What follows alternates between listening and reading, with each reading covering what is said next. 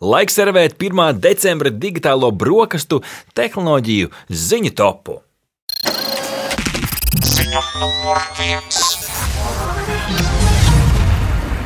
Pirmajā vietā digitālajās brokastīs šorīt labs stāsts. Mūsu dzīve būs par kripatu ērtāka, jo um, Turpmāk, lai piekļūtu dažādiem valsts iestāžu pakalpojumiem, tā skaitā e-adresē, varēs izmantot jau mums labi zināmo Smart ID risinājumu, kas būs viens no risinājumiem, kā autentificēt sevi oficiālajiem valsts pakalpojumiem. Tāpat paplašināsies arī Smart ID lietošanas iespējas ar piekļuvi valsts un pašvaldību iestāžu portāliem un tajos esošajiem pakalpojumiem, kur attiecīgi Smart ID būs viens no risinājumiem. Tas nozīmē, ka Nu, šobrīd tas valsts nodrošinātais e-paraksts mobile risinājums joprojām eksistēs, taču mums būs vēl viens ērts veids, kā pieslēgties. Starp citu, pēc Smart ID sniegtiem datiem Latvijā pakalpojumu izmanto jau 1 74 880 lietotāju. Mm -hmm, tad, tad nu, lielu daļu Latviju esam noseguši. Nu, lai izdodas, ja tas atvieglos mūsu e-pakalpojumu lietošanu un veicinās to, es esmu tikai par.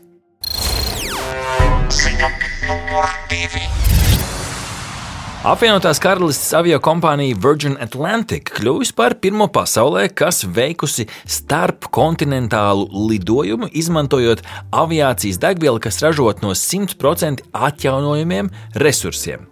Kompānija, eh, kompānijas Boeing 787. avio lineris mēroja lidojumu no Londonas uz Ņujorku, Džona Kennedy vārdā nosaukto lidostu ASV lielpilsētas eh, austrumos, kā eh, vēstīja Māris Bergs portālā Kursors.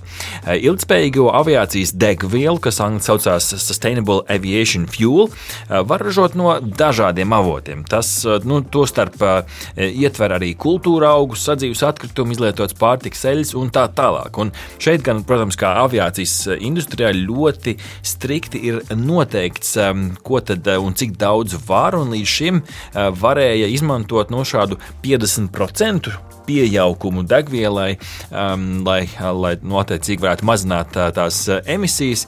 Uh, un kas ir būtiski, ko arī izceļ uh, Virgin Atlantic viceprezidenta Holly Boyda Bolanda, mm, citēju, šis nav bez izmešu lidojums, bet skaidri norāda, ka mūsu rīcībā ir nozīmīgas svirs un iespējas kā taustāmi samazināt kaitīgo izmešu daudzumu aviācijā. Uh, citādi beigas. Tas nozīmē, ka šis nav nu, pilnībā neitrāls lidojums, bet šādā veidā vienkārši tiek samazināti tie izmeši, kas nu, tajā kopējā procesā, lai paceltu cilvēku augšā nosēdinātu, samazinās.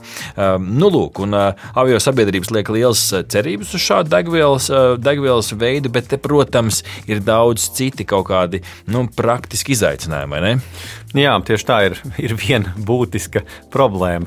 Šo degvielu pagaidām ražo mazos apjomos, un tā ir trīs līdz pat piecas reizes dārgāka nekā parastā aviācijas degviela. Līdz ar to, lai arī sasniegums, protams, interesants, diez vai tā kļūs par ikdienu. Nu, jā, nu, zaļā, zaļā virzienā tādi ekstremālie piekritēji un atbalstītāji, jau, nu, protams, uzsver, nu, nevajag lidot vispār, bet man šķiet, ka šeit, nu, lai samār, samērotu tās mm, sabiedrības vajadzības un kopumā nu, pasaules un zemeslodes zaļā virziena saglabāšanu un draudzīgāku attieksmi, lai mēs dzīvotu vienkārši ilgāk, labos apstākļos. Nu, šeit ir jāatrod kāds labs vidusceļš, un nu, prieks redzēt, ka tehnoloģijas nāk tālāk, bet nu, ir vēl izaicinājumi. Šis var būt tāds labs priekšvēstnesis. Ziņa numur 3.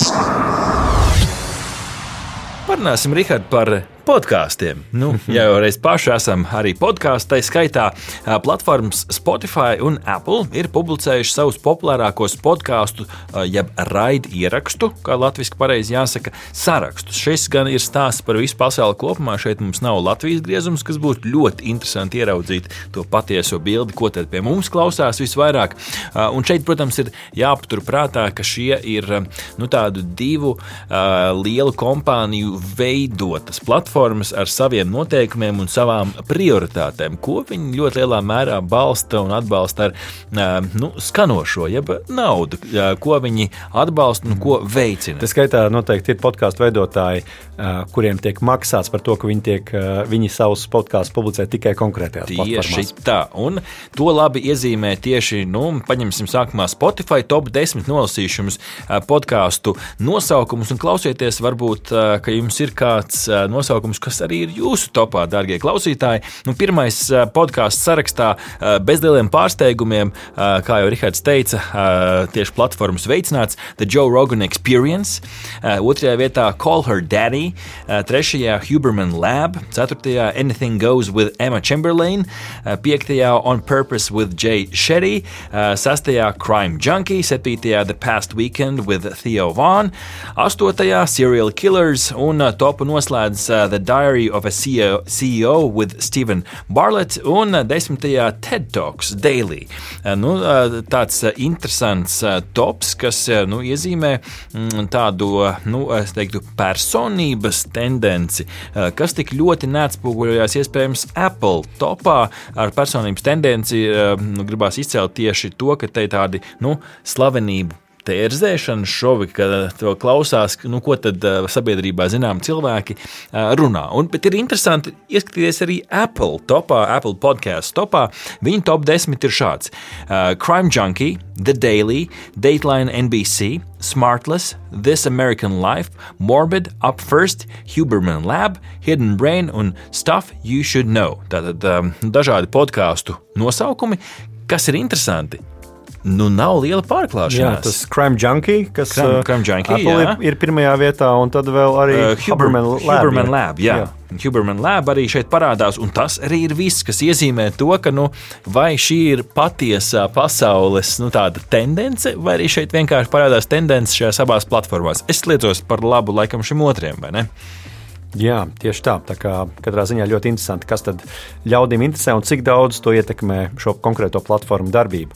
Bet par lietām, kas ietekmē, piemēram, kad runa ir par kultūras notikumu ietekmi, podkāsti ir izrādījušies kā tāds labs lakmus papīrīts. Mm -hmm. Spotify apko, apkopotie skaitļi runā paši par sevi. Nu, piemēram, nedēļā, kad notika Eirovīzijas lielā, lielais fināls, attiecīgo podkāstu straumēšana pieauga par gandrīz 500% salīdzinājumā ar iepriekšējo nedēļu.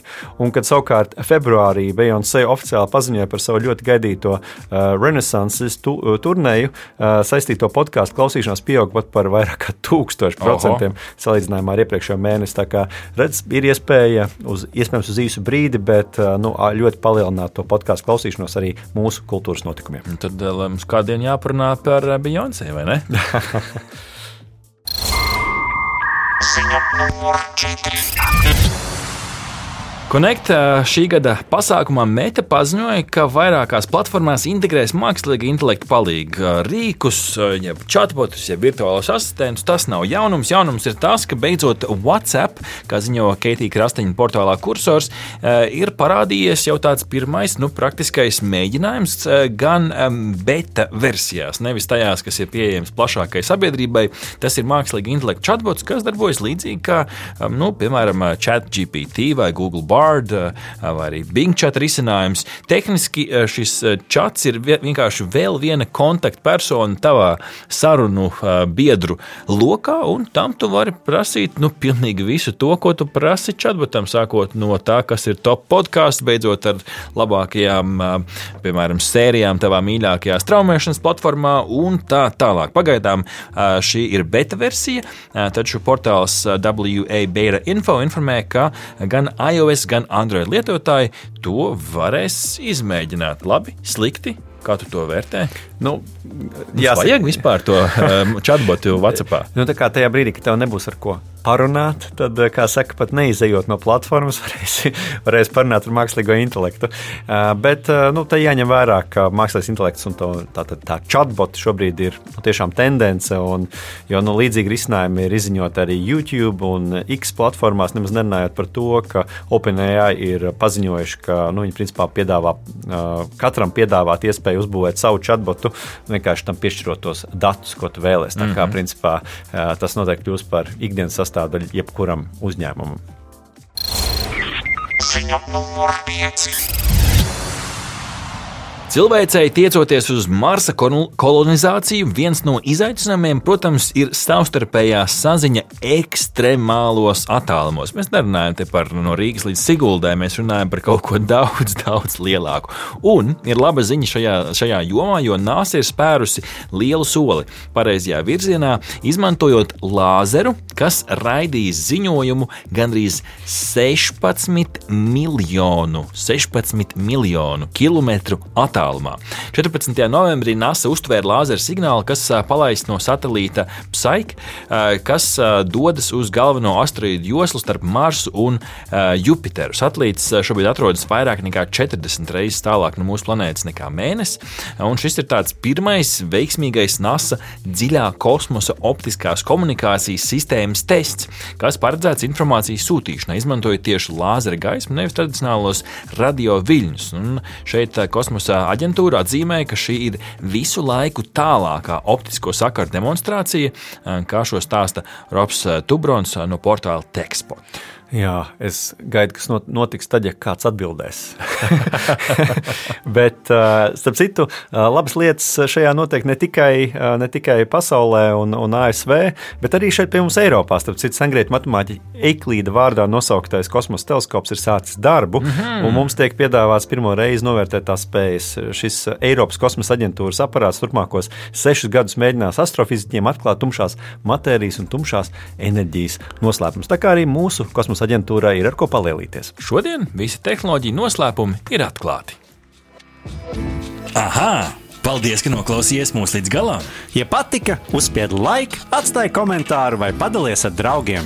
Un nobaudiet arī citas epizodes, kā arī sekot mums, lai nepalaistu garām savu ikdienas tehnoloģiju ziņu devumu.